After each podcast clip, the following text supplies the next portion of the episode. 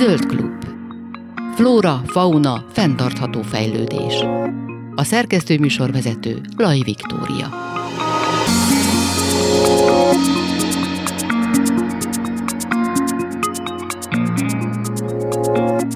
Kellemes délután kívánok, Laj Viktóriát hallják. Szlovák-magyar együttműködés indul két veszélyeztetett madárfajunk a kékvércse és a túzok megőrzéséért. A kékvércse és a túzok azon madárfajok csoportjába tartoznak, melyeket a szakértők a legnagyobb aggodalommal figyelnek, áll az MME közleményében. Az állományuk drámai mértékben csökkent az elmúlt évtizedekben bizonyos régiókban. Szlovák és magyar ornitológusok hosszú ideje együttműködésben dolgoznak mindkét faj populációjának megerősítésén, növekedésének elősegítésén. A most induló Stjeppe on Border Life projekt azon élőhelyek javítására összpontosít, ahol mindkét faj előfordul, különösen a határmenti régióban. A pályázat az Európai Unió támogatásával 5 éves időtartamban valósul meg. Hogy miben lesz ez a projekt most más, mint az ezt megelőző munkáik? Először erről kérdezem dr. Paralic Pétert, az MME Kékvércse Védelmi Munkacsoport koordinátorát. Jó napot kívánok, szia! Jó napot kívánok, én is üdvözlöm a hallgatókat. Mert tíz éve dolgozunk Kékvércse témakörben együtt a szlovák partnerünkkel, és első körben az volt a feladat az első nyolc évben, hogy egyáltalán valamilyen szinten visszahozzuk a, a kékvércse állományt a nyugati határszélünkön. Hm. Ugyanis ez a faj, ez alföldi elterjedésű, tehát jó kis állománya van Magyarországon, síkvidéki puszta területeken, hm. de a Dunán túlon nem nagyon marad belőle, tehát a 90-es évektől folyamatosan eltűnt a faj. Hogy először ez az első tíz év ráment arra, hogy sikerült valamennyi kékvércset, ilyen tíz pár alatti állományt megtartani a hármas határon, és most az lenne a célunk, hogy ebből a tíz párból akár 20-30-at is varázsoljunk a következő hat évben, vagy öt és fél évben igazából. Uh-huh. És ez a live program, ez egy olyan Európai Uniós forrás, amelyik uh, uh, speciálisan veszélyeztetett fajokat, élőhelyeket ö, támogat, és most sikerült elnyernünk egy ö, nagyobb összeget arra, hogy megvalósítsuk ezt a tervet. Tulajdonképpen a kékvércse és a túzók, ők hogy kerülnek össze azon kívül, hogy veszélyeztetett fajok? Tehát az ő védelmükre mondhatjuk, hogy elég hasonló ö, megoldásokat lehet kitalálni? Ugye a keleti puszta területek azok valahol itt a Kárpát-medencében érnek véget, nyugatabbra nem nagyon vannak ilyen élőhelyek, és ezeknek, ennek a két fajnak ezek a puszta területek az élőhelyei. Tehát nálunk éri el a nyugati elterjedését, és ezek egy helyen laknak, tehát mindkét madár ugyanazokat az élőhelyeket szereti, így kapcsolódnak ők uh-huh. össze a Kárpát-medencével és egymással is. Uh-huh. Ezt említette, hogy a, említetted, hogy a 90-es években, vagy a 80-as években eléggé meg ritkult az állományuk. Ez igazából ho- hova vezethető vissza, vagy mi történt ebben az időszakban, ami a, ezt a csökkenést okozta?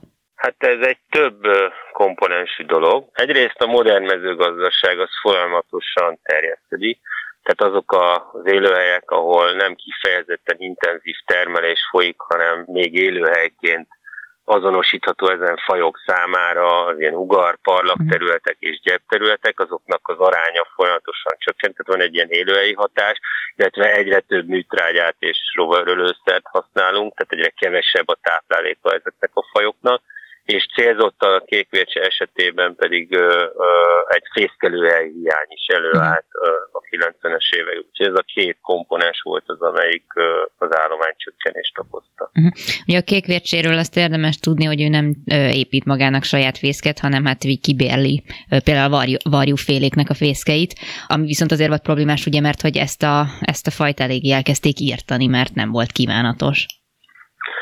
Hát igen, ugye a varjúfélék azok nem, eléggé nem szeretem állatok már az utóbbi évszázadban elég sok konfliktus teremtődött köztük, és a 80-as években egy szelektív méreggel végrehajtott gyérítési kampány zajlott a, a varjúfélek ellen.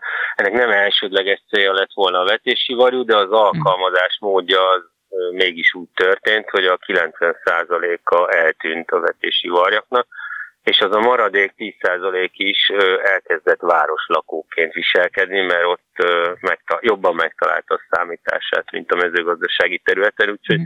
hirtelen nagyon kevés fészek lett a vértség számára, akik valóban nem építenek fészket, és akkor jött a mi, mi megoldásunk, hogy műfészkéket helyeztünk ki számukra. Uh-huh, Ez be is jött akkor, de tulajdonképpen uh, ahhoz, hogy a, a számukat hát nagy mértékben azért, vagy stabilizálni tudjuk, akkor gondolom nem elég a fészek, hanem a, a, az intenzív mezőgazdaságnak a jelenlegi arcán is valahogy változtatni kéne, hogy erre milyen esélyek vannak. Egy szóval, hát nem, nem túl nem túl vidám a helyzet. Tehát uh-huh gyakorlatilag 20 éve pontosan tudjuk, hogy drasztikus változásokat kéne elérni a mezőgazdaságba, és úgy kéne tekinteni a földre, hogy ott nem csak árutermelés zajlik, hanem, hanem az életszintere rengeteg faj számára, amelyek ennek az egész ökoszisztémának a stabilitását adják. És ugyan vannak kezdeményezések, de azért áttörést még nem sikerült elérnünk. És az a helyzet, hogy ez Magyarországról nem is látszik olyan nagyon, mert Magyarország még egész jó helyzetben van. Mm. Tehát azt kell mondjuk, hogy a termé- az általános természetessége Magyarországnak nem is olyan rossz, mint egy Németországnak, vagy mm. tehát egy sokkal intenzívebben művelt területnek. De akármit is építünk be, ösztönzőket, önkéntes programokat a gazdálkodóknak, és egyre többet tudunk erről az egészről, elsődleges céljának kéne legyen az élelmiszer termelésnek az is, hogy megőrizze az ott lévő állatokat ahhoz, hogy az unokáink ugyanúgy láthassák ezeket a fajokat, mint ahogy mi látjuk. Uh-huh. Mi, mit tudunk válaszolni annak, aki azt kérdezi, jó, hogy nem fogja látni az unokám a kékvércsét, aztán mit veszít vele, mert azért gondolom van egy ilyen attitűd is néha. Hát itt az a helyzet, hogy egy, nem érdemes kiemelni egyes fajokat ebből uh-huh. az egészből, mert az a helyzet, hogy ez egy dominó ugye egy olyan, mint amikor fel van építve egy ilyen hosszú dominó folyosó, ki lehet belőle emelgetni egyes fajokat, hogy mi van akkor, ha nem lesz kékvércse, mi van akkor, ha nem lesz vetési varjú, de az ember, ahogy emelgeti ki ebből a dominó sorba a dominókat, egyszer csak a rendszer meg elkezd inogni, és teljesen összedől. Hát azt tudom válaszolni arra, aki félváró veszi azt, hogy hát most akkor egy rovarfaj kipusztul, vagy egy, vagy egy madarat már nem lehet látni, hogy ez az előjele annak, hogy a rendszer beteg, mm. és egyszer csak uh, ugyanolyan hatalmas problémát okoz, mint a jelenlegi pandémia például. Egyébként ezeket a fajokat, vagy konkrétan a kékvércsét ezen kívül még mi, mi veszélyeztetheti? Tehát azért egy vonuló madár Dél-Afrikába megy üdülni, hogyha minden igaz. Nem tudom, hogy az ő üdülő helyén, vagy akár a vonulási útvonalán érheti-e olyan probléma, ami esetleg hát nem annyira kedvező az állomány növekedésnek. Igen, teljesen jogos. Nyilván ez egy nagyon, ez egy 8000 kilométeres út, amit egy 150 grammos madár számára, hát minimum azt mondhatjuk, hogy kihívásokkal terhet. Tehát nem csak az elemekkel kell megküzdenie, de a telelőhelyen a vadászati nyomással is, tehát mm. azért a, amit felfedeztünk egy nagyobb gyülekezőjét Angolából egyértelművé vált, hogy hogy fogyasztják ezt a madarat, és éppen most zajlik egy projektünk, hogy megpróbáljuk ott is megvédeni. Uh-huh. Tehát a, az emberi hatások azok, amik a legjelentősebbek. Ugyanakkor az összes madára az infrastruktúrális fejlesztések is hatnak, tehát ha csak arra gondolunk, hogy a tengerpartok milyen szinten be vannak épülve, és ahelyett, hogy mocsarak borítanák, akkor ugye a vízimadarak uh-huh. számára ez nyilván lételem, de az olyan infrastruktúrák, mint például a, a középfeszültségű áramhálózat, amin, amin uh, áramütés a madarak, ezek mind-mind hozzáadódnak természetesen a veszélyforrásokhoz. Egyébként, ha kékvércsal jól tudom, nem kék. Azt lehet tudni, hogy honnan kapta a nevét? Hát ilyen palakék, palaszürke, ah. ugye a hímnek van egy ilyen kékes árnyalata, hát nevezzük költői túlzásnak a, a, a színét. Amúgy színpompás madár, tehát nászruhában kifejezetten jól néz ki ezzel a narancs és kék színegyüttessel. Nem is véletlen, hiszen a papagájoknak egy egész közeli rokona, uh-huh. tehát nem is áll olyan messze a papagájoktól, mint ahogy azt gondolnánk. Uh-huh. De erről kapta a nevét, de egyébként csak magyarul hívják kékvércsének. Az összes többi nyelvben valamilyen más, tehát vörös lábú sólyom az hmm. angol nevének a fordítása, az a, a Vespertinus szó pedig a latin nevében, hogy Falco Vespertinus, az a vecsernyére utal, mint az esti imádságra. Hm. mert uh, ugye Vesper az az alkonyat, mm. abból jön a, mert a papokat, amikor esti imádságra hívták, akkor a, a alkonyatkor szólt a kolomb, és ezek a vércsék is akkor gyűlnek össze éjszakázni közösen az őszi időszakban, úgyhogy ők erről kapták a nevüket latin például. Uh-huh, uh-huh. Egyébként azt lehet tudni, hogy itt Angolát említetted, azt, azt hiszem, ha jól emlékszem, hogy, hogy ott igazából ott mi van, hogy ennyire összpontosul ott ez a populáció? Vagy... Hát ez egy biológiai csoda, azt uh-huh. kell, hogy mondjam, ami, ami, amit magyar kutatók fedeztek föl. Uh-huh.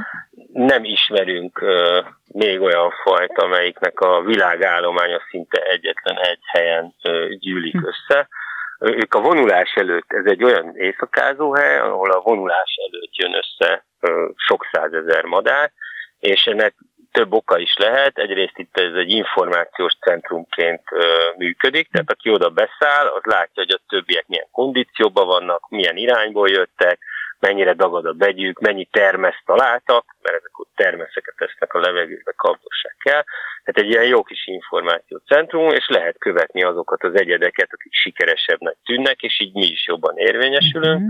Másrészt az indulás időpontjának az ütemezése az kritikus számukra, hogy mikor kezdjenek el észak felé repülni, visszafelé, és hogyan keljenek át az eső erdőn. Tehát ezt is nagy hm. tömegbe könnyű jobb döntést hozni, mm. mint egyedül.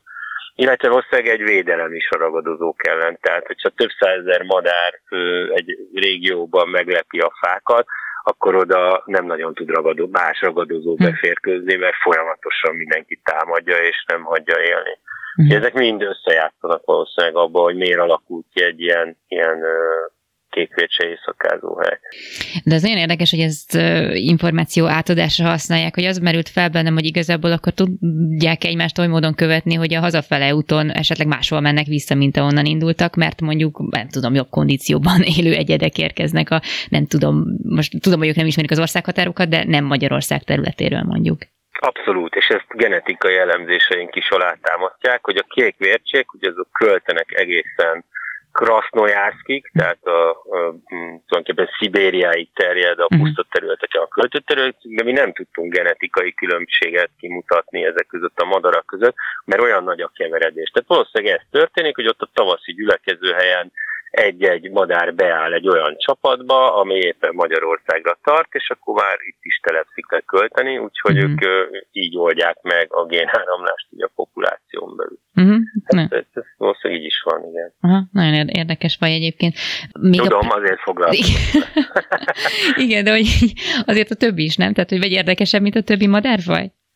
Hát nem tudom, én erre tettem fel az életemet, úgyhogy lehet, hogy nem én vagyok a megfelelő alany, akivel azt meg kell vitatni, hogy van-e érdekesebb faj. Igen, ez a faj lenyűgöz.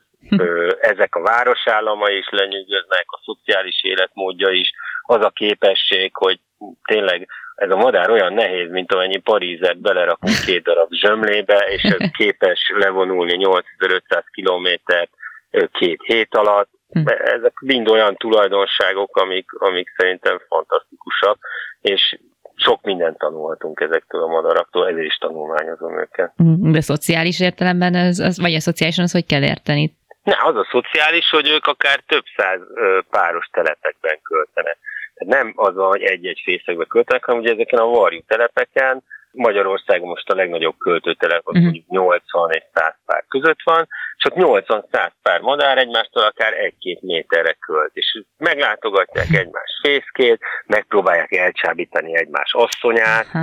Sőt, egymás fészkébe tojásokat raknak, hogy hát, ha kikölti az ő tojását és felneveti helyette. Uh-huh. Szóval rendkívül sok stratégia és játék van az ő rendszerükben, ahhoz képest, amit egy ilyen magányosan költő fajnál, ami védi a területét, és elég egyszerűen leírható viselkedés formákat mutat. Az ő a kékvértség viselkedése az egy ilyen nagyon komplex, tényleg az emberére hajazó. Uh-huh. Tehát ugyanaz, mint egy ilyen emberi város, aztán a kékvértség képesek faluba is lakni, tehát kisebb sűrűségű telepeken, vagy akár magányosan is költeni, és ez a hármas rendszer, ez nagyon érdekessé teszi a, hm. a, a, az ő viselkedésüket, és ez jó, jó kutatni. Aha, kinek mi az van kedve. De, de egyébként még mit, mit, mi az, ami felfedezésre vár, vagy kiderítésre vár velük kapcsolatban, vagy már azért eléggé feltárt az ő akár viselkedésük életmódjuk?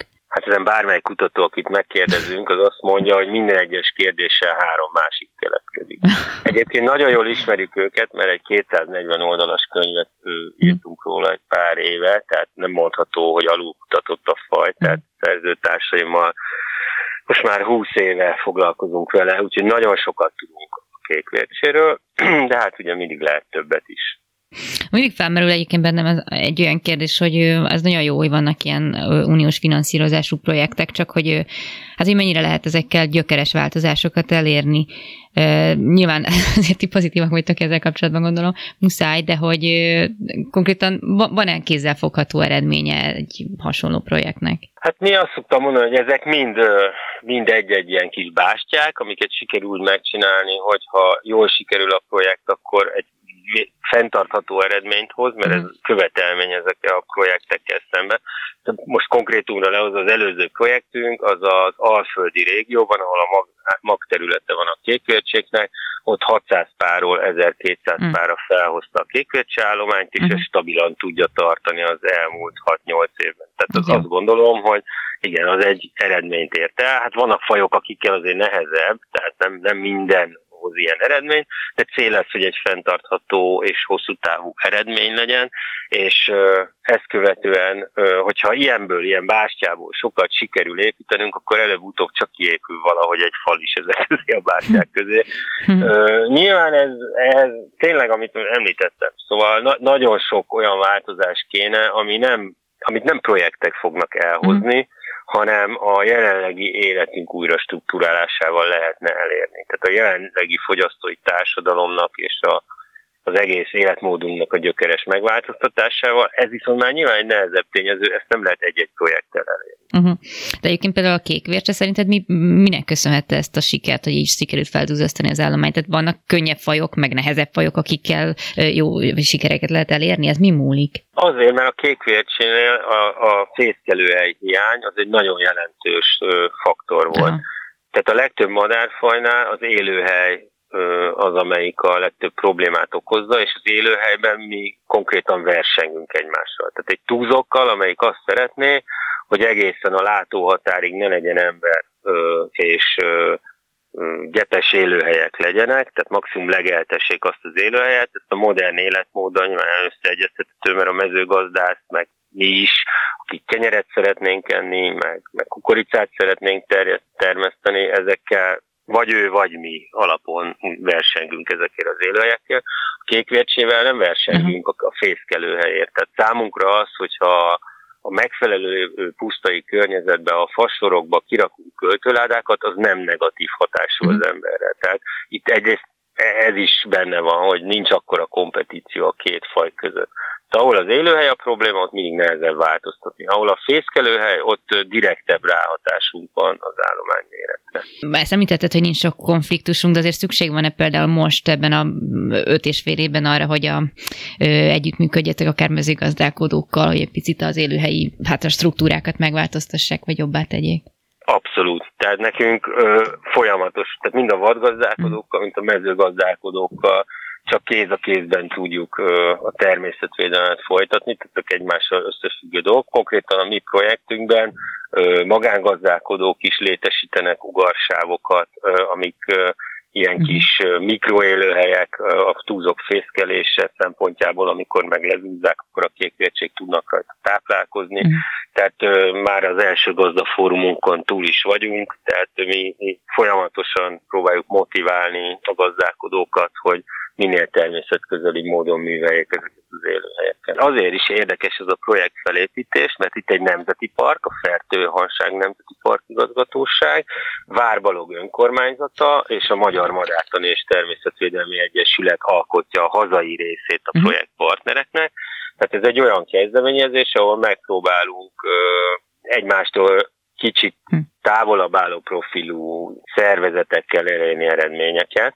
Tehát azért önkormányzatok nem gyakran szoktak részt venni ilyen live programokban, ez, ez, viszont ők nagyon jól tudják, nagyon jól ismerik a saját gazdálkodóikat, uh-huh. nagyon jól tudják, hogy mivel lehet elérni hozzájuk, és szerintem ebből a szempontból ez egy nagyon érdekes uh-huh. kezdeményezés, illetve hát ugye ami lényeg lenne számunkra, hogy erre a Dunán, tehát eddig a kékvércsevédelmet azt a Dunatisza közén és a Titántúlon végeztük, de igaz ez a túzokra is, hogy zömmel ezeken a területeken van a nagy része a hazai állománynak. Bár van egy stabil populációja a, a mosoni síkon a túzoknak, de nekünk az, hogy egy a többi populációtól távol, elszigetelten létező madárközösséget kell megvédenünk, ez ugye egy újdonság próbálunk ilyen úgymond lépőköveket csinálni a fajoknak, tehát hogyha Sárvízvölgyében például itt a Velencei tótól délre is van egy projektterület, hogy összekössük ezeket az állományokat egymással, hogy egy kicsit megerősödjön ez a, ez a nyugati sziget populáció tulajdonképpen mindkét faj esetében. Uh-huh. Úgyhogy ez olyan kihívások elé állít minket, amiket eddig még nem tapasztaltunk, úgyhogy uh-huh. megvesztük, hogy sikerül. Szerintem jól fog sikerülni. Nagyon szépen köszönöm, és jó munkát kívánok. Dr. Paralic Péter az MME Kékvércsevédelmi munkacsoport koordinátora volt a vendégem. Köszönöm szépen. Nagyon szépen köszönöm én is. Zöld klub. Flóra, fauna, fenntartható fejlődés.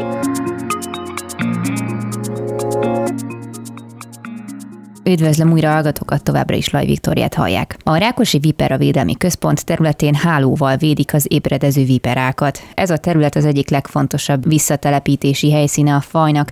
A tapasztalatok szerint ugyanis a ragadozók jelentős, jelentősen veszélyeztetik a sérülékeny állomány fennmaradását. A hálórendszer segítségével viszont a visszatelepítési terület egy részén teljesen ki tudják zárni a madarakat. A központ nagyon fontos szerepet tölt be a faj életében, de hogy pontosan hogyan, illetve illetve miért lett egyáltalán ez a faj veszélyeztetett, arról Halpern Bálintot, az MME Rákosi Vipera védelmi program vezetőjét kérdeztem. Körülbelül 90-es évek derekától aggódva szemlélték természetvédők, hogy szinte a szemünk láttára fogynak el ezek a ismert állományok, ritkulnak meg, voltak olyan helyek, ahonnan teljesen eltűnt a faj, és a, ezt az aggodalmat végeredményben 2000-től kezdődően, de 2004 egy úgynevezett fajmegőrzési terv formájába vetettük papírra, amiben vázoltuk azt a természetvédelmi stratégiát, hogy hogyan képzeljük el ennek a fajnak a hosszabb távú megőrzését, milyen olyan intézkedéseket látunk szükségesnek, amik, amik garantálhatják azt, hogy nem, kell, nem kerül ez a faj a kipusztult fajok listájára. És ebben vázoltuk azt az ötletet, hogy egy, egy kvázi ugye exitum megoldásban tenyészteni kéne ezt az állatot, ugyanis a egyik fő probléma az volt, hogy a megmaradt állomány olyan mértékben elszigetelődtek egymást, és nem kis izolált túlélő állományokról beszélhetünk, amiknek a hát ugye a jelenlegi földhasználat mentén nem látjuk realitását, hogy ezek újra egybeszüggő állományokká váljanak a közeli vagy távolabbi jövőbe, és hát nem csak ennél a kígyónál más állatfajoknak a konzerváció biológiai kutatásánál felmerült, hogy az ilyen típusú állományoknál előbb-utóbb a genetikai változatosság oly mértékben eltűnik, hogy ez, ez maga is okozhatja azt, hogy a megmaradt kis állományok már nem biztos, hogy képesek jól alkalmazkodni a környezet változásaihoz, kihívásaihoz. Annak érdekében, hogy meg tudjuk őrizni a, ennek a fajnak a genetikai változatosságát, orvosolni tudjuk ezeket a például beltenyésztettségi problémákat, ez, a, egy ilyen tenyészközpont az, az ugye szerepet tud játszani, plusz ugye az itt, képződő szaporított viperákkal újra lehet népesíteni élőhelyeket, és hát esetleg adott esetben mondjuk olyan élőhelyeket, ahol megritkultnak látjuk az állományt, meg lehet erősíteni, vagy vérfrissítés jelleggel egyedeket lehet bejuttatni, és hát ez volt az alapvető célja ennek a tenyésztelt elindításának. A mikéntjéről, igen, tehát hogy hogyan történt az elindulás. A kollégáinkkal végül megtaláltunk egy ideális helyszínt, a Kiskunsági Nemzeti Park területén egy távoli tanyát. Ugye ezt nem kell szerintem elmagyarázni, hogy miért volt az egy ilyen komoly elkezdés, hogy nem feltétlenül belterületen szeretnénk elkezdeni a kígyók, mérges kígyók tenyésztését. Igen. Azért vált, volt az ideális ez a helyszín, mert egy meglevő élőhely közelében volt található. Ugye a tanya, ugye a jellegéből fakadóan ugye a legközelebbi szomszéd az egy másik tanya, közte vitera élőhelyek találhatók, tehát hogyha erről a tenyészteltről még, mégis elszöknének állatok, akkor előbb jutnak a természetes élőhelyükre, mint hogy valamilyen szomszéd ö, lakót fenyegetnének. Úgyhogy ezért ö, esett a választásunk erre a középadacsony található tanyára. És itt, ö, itt végeredményben 2004-ben a Life keretében meg tudtuk építeni azt a első pár terráriumot, amiben összesen 10 vadbefogott kígyó került elhelyezésre. Ezeket egyébként négy különféle élőhelyről tudtuk begyűjteni. Az első ütemben a kiskunsági élőhelyekről sikerült állatokat gyűjteni, és aztán amikor két évvel később kaptunk engedélyt, akkor a hansági élőhelyekről is további állatokat tudtunk behozni ebbe a tenyészprogramba. Hogyan, hogyan tudták garantálni azt, hogy, hogy egyáltalán ne legyen beltenyészet, vagy hogy elég távolról kerüljenek ugye be ezek az egyedek, illetve hát hogyan történtek ezek a, ezek a szeparációk, tehát hogy a teráriumokba, tudom, két egyedet költöztettek be, vagy ezt, ezt hogy kell elképzelni? Ugye szabadtéri teráriumokat építettünk, a koncepció az volt, hogy próbáljuk meg minél természetesebb módon tartani ezeket az állatokat, hogy a, az itt létrejövő utódok is maximálisan talpra esetten tudjanak esetleg a kibocsátások után alkalmazkodni a környezet kihívásaihoz. Az egyes egyedeket egyedileg azonosítani tudjuk, egyébként a érdekességként elmondhatom, hogy a rákos viperáknak egyedi a fejtpajzsának az elrendezése egy, egy megfelelő minőségű fénykép segítségével, illetve egy is tapasztalta az ember végülis fel tudja ismerni a különbségeket az egyes viperák között, hogy ezt, ezt le tudjuk írni. Az egyes pikkek végig ilyen számszerű karakterizálásával, akkor végeredményben egyedileg be tudjuk azonosítani az állatokat, és minden egyes telepre bekerült állatnak egyfajta törzslapját vezettük az évek során, tehát ez, erre fölkerült minden olyan esemény, amit fontosnak véletünk a kígyóval kapcsolatban az elhelyezés, hogy kivel állítottuk párba, akik lettek az utódai, és az, az a keletkezett viperáknak ugyanúgy végeredményben a születésük után elkészítettük ezeket a történeteket, és a mai napig vezetjük ezt az adatbázist, amiben végül is a tenyészprogram viperái esetében ugye törekszünk arra, hogy rokon egyedeknek kerüljenek párba, tehát ilyen kvázi egyszerű eszközökkel próbáljuk elkerülni a beltenyésztettséget, illetve folyamatosan genetikailag monitorozzuk a, a, a viperákat, egyébként párhuzamosan a természetes éveik monitorozásának a keretében a kint élő nem begyűjtött viperáktól gyűjtöttünk genetikai mintákat, és így feltérképeztük a, a megismert rákos viperállományoknak a genetikai változatosságát, illetve a tenyészteten található egyedeknek a genetikai változatosságát, és így azóta is próbáljuk korcsoportonként ezt az értéket vizsgálni, és hát ebből levonni a következtetéseket. Ugye itt a következtetés az lehet, hogy ismételten esetleg szükség van vérfrissítés céljából további egyedek begyűjtésére, és akkor ha ezzel tudunk érvelni, akkor mondjuk a hatóság ezt támogatja, akkor, akkor ilyen esetben begyűjtünk további állatokat, de hát e-, eddigi működésünk során igazából nem sokszor volt szükség további évek begyűjtésére, de hát a jövőben, hogyha például új állományokat fedezünk akkor felmerülhet, hogy azoknak a genetikai tulajdonság is reprezentálva legyenek a tenyészprogram, ezért szükséges van ezeket behozni ilyen formában, mégis monitorozva van a tenyésztés.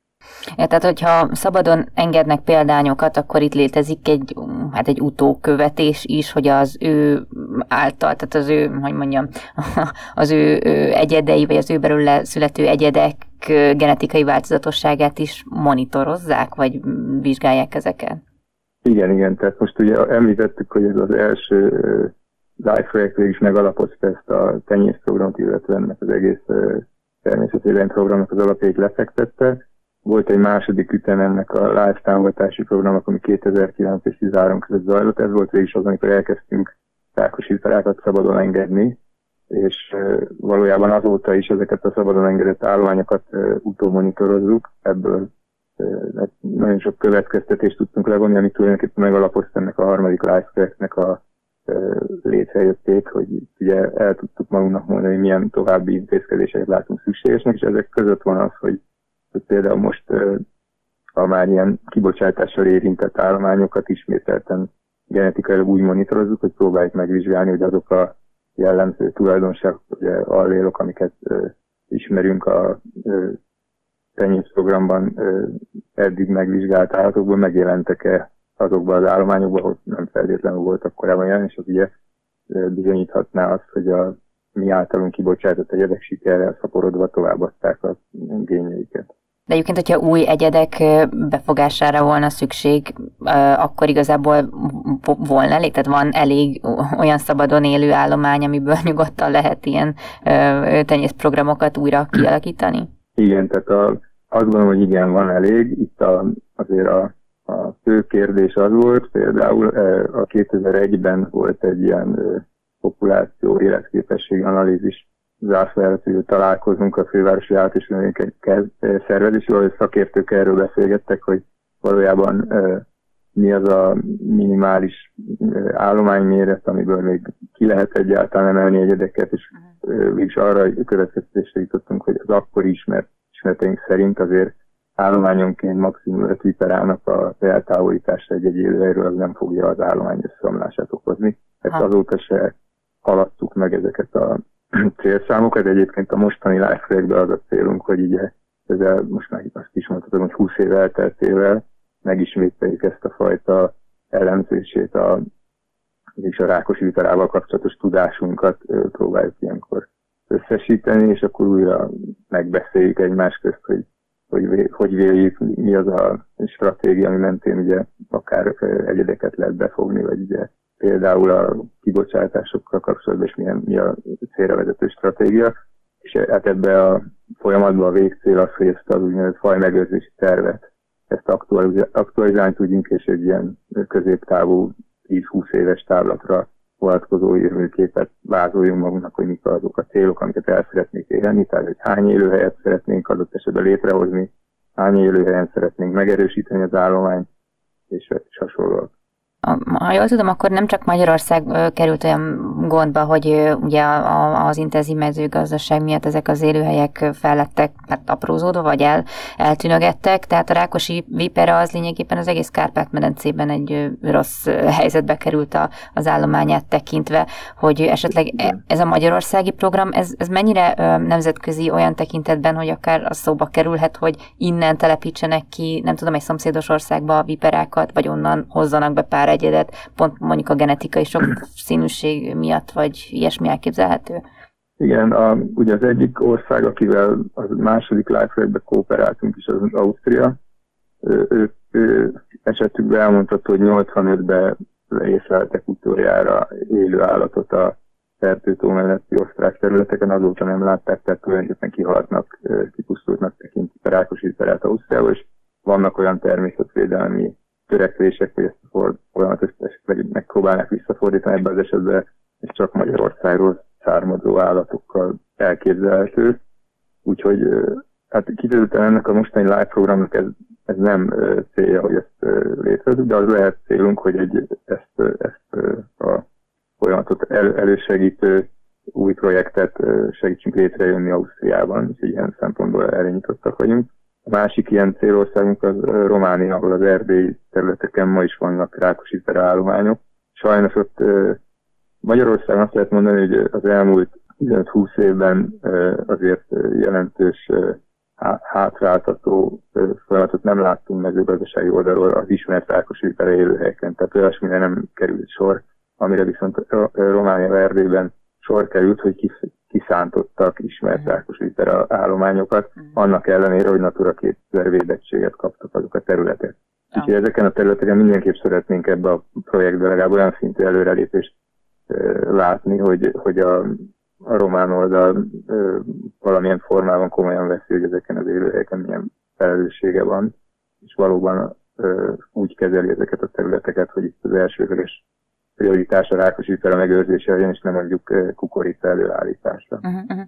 Hát igen, úgy nehéz természetet vagy környezetet védeni, hogyha mondjuk egy másik fél ez nem éppen ezt tekinti az hát elsődlegesnek. Hát, ugye az a helyzet, hogy e, Romániában ez egy, ez egy olyan folyamat, ami a Kárpátokon túl a másik, tehát van ennek a viterózinak egy másik alfa, és Romániában a viterózi moldávik, ami moldáv parlag viterának hívjuk, ugyanott, ugyanazok a folyamatok figyelhetők, meg ugyanúgy Natura 2000-en belül kiszántanak területeket, annak ellenére, hogy ezek ismert vitorőeket. Ezeket jeleztük, ezeket a problémákat már pár éve az Európai Bizottság és én tudom, hogy Románia vele valamilyen szintű eljárás elindult.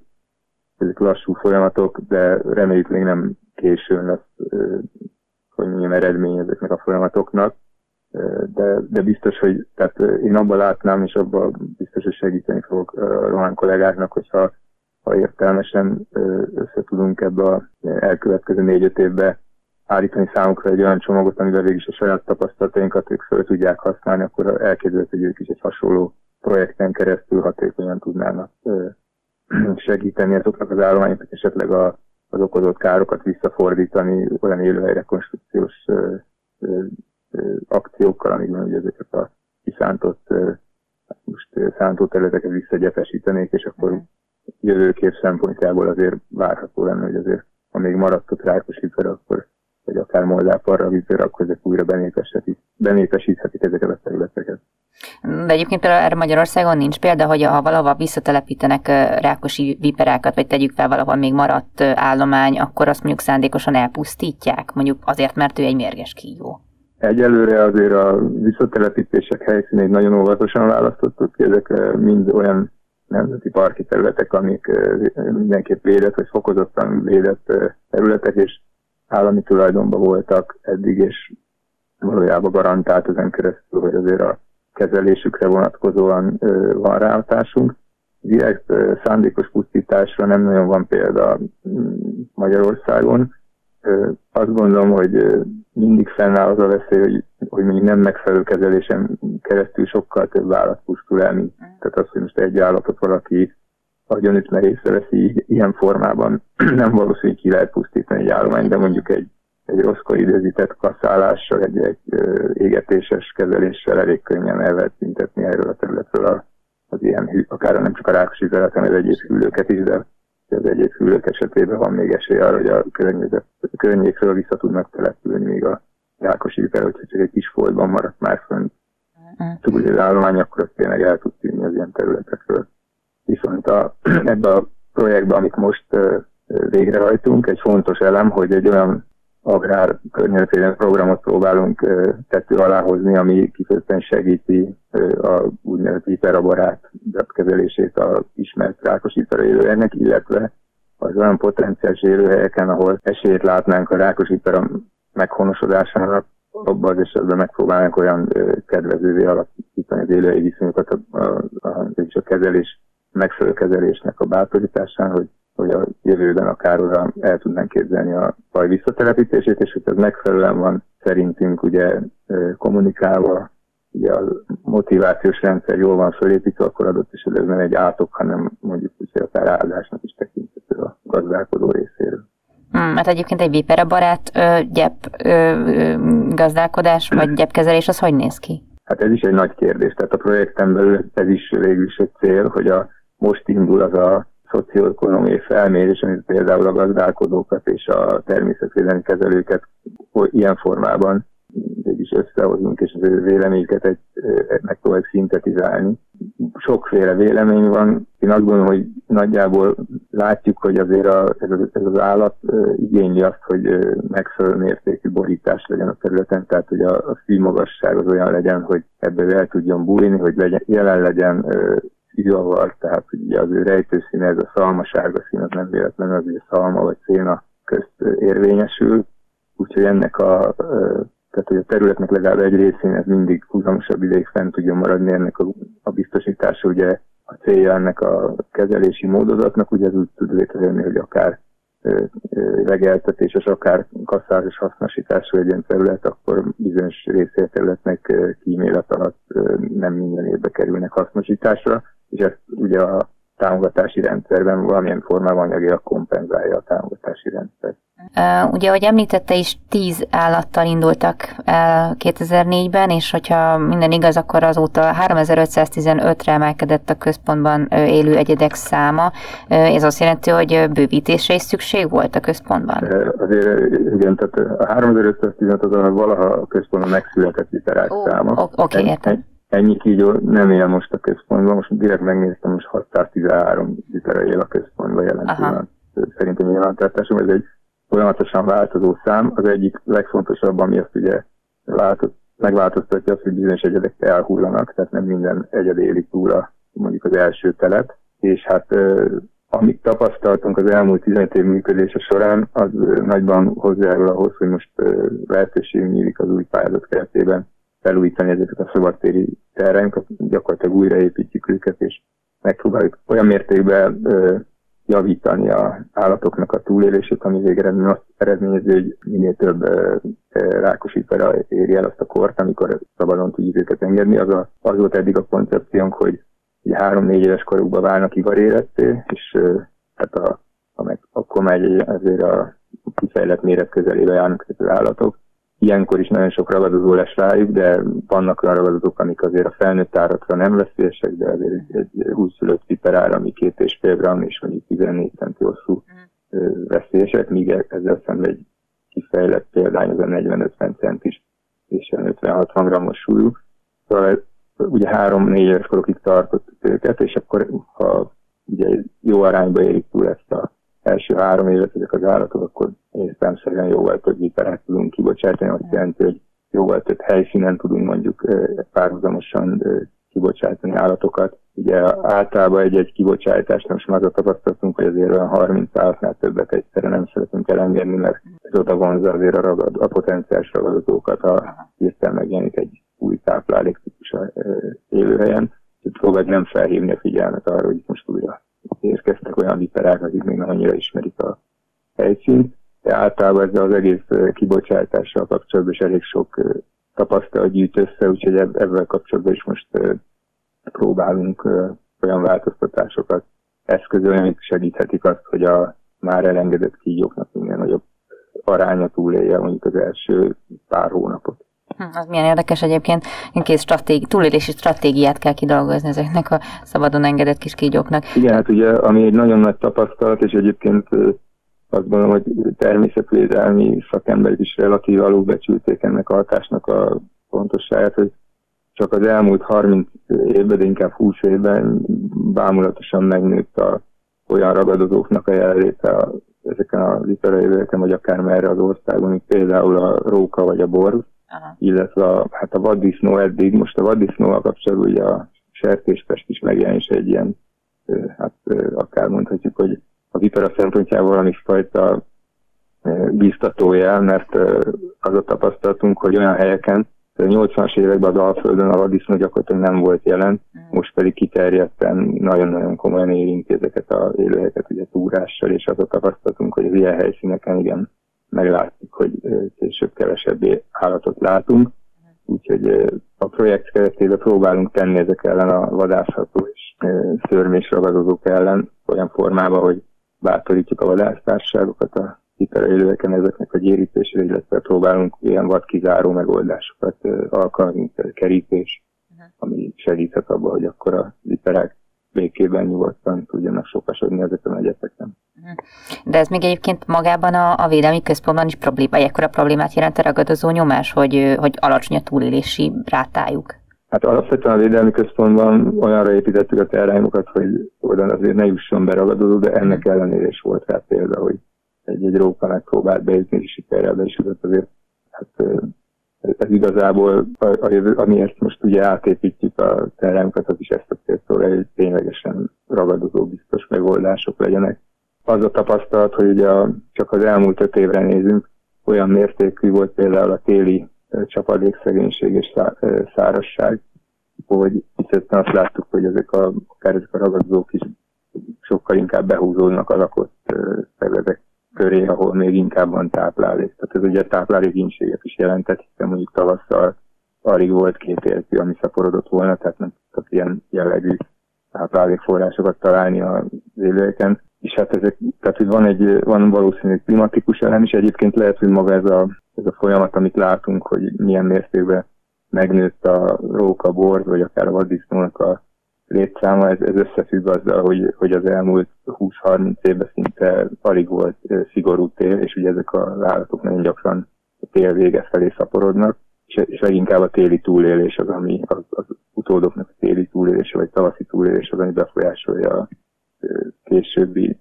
összlétszámukat, és ilyen formában tudtak ilyen szinte robbanásszerűen elszaporodni, és, és elég komoly természetesen problémákat okozni.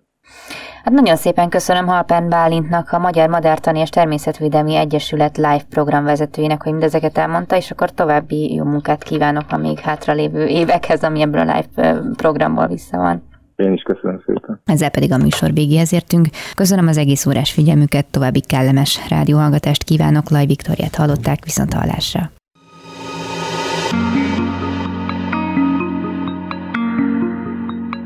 Flóra, fauna, fenntartható fejlődés. A Zöld Klub műsorát hallották.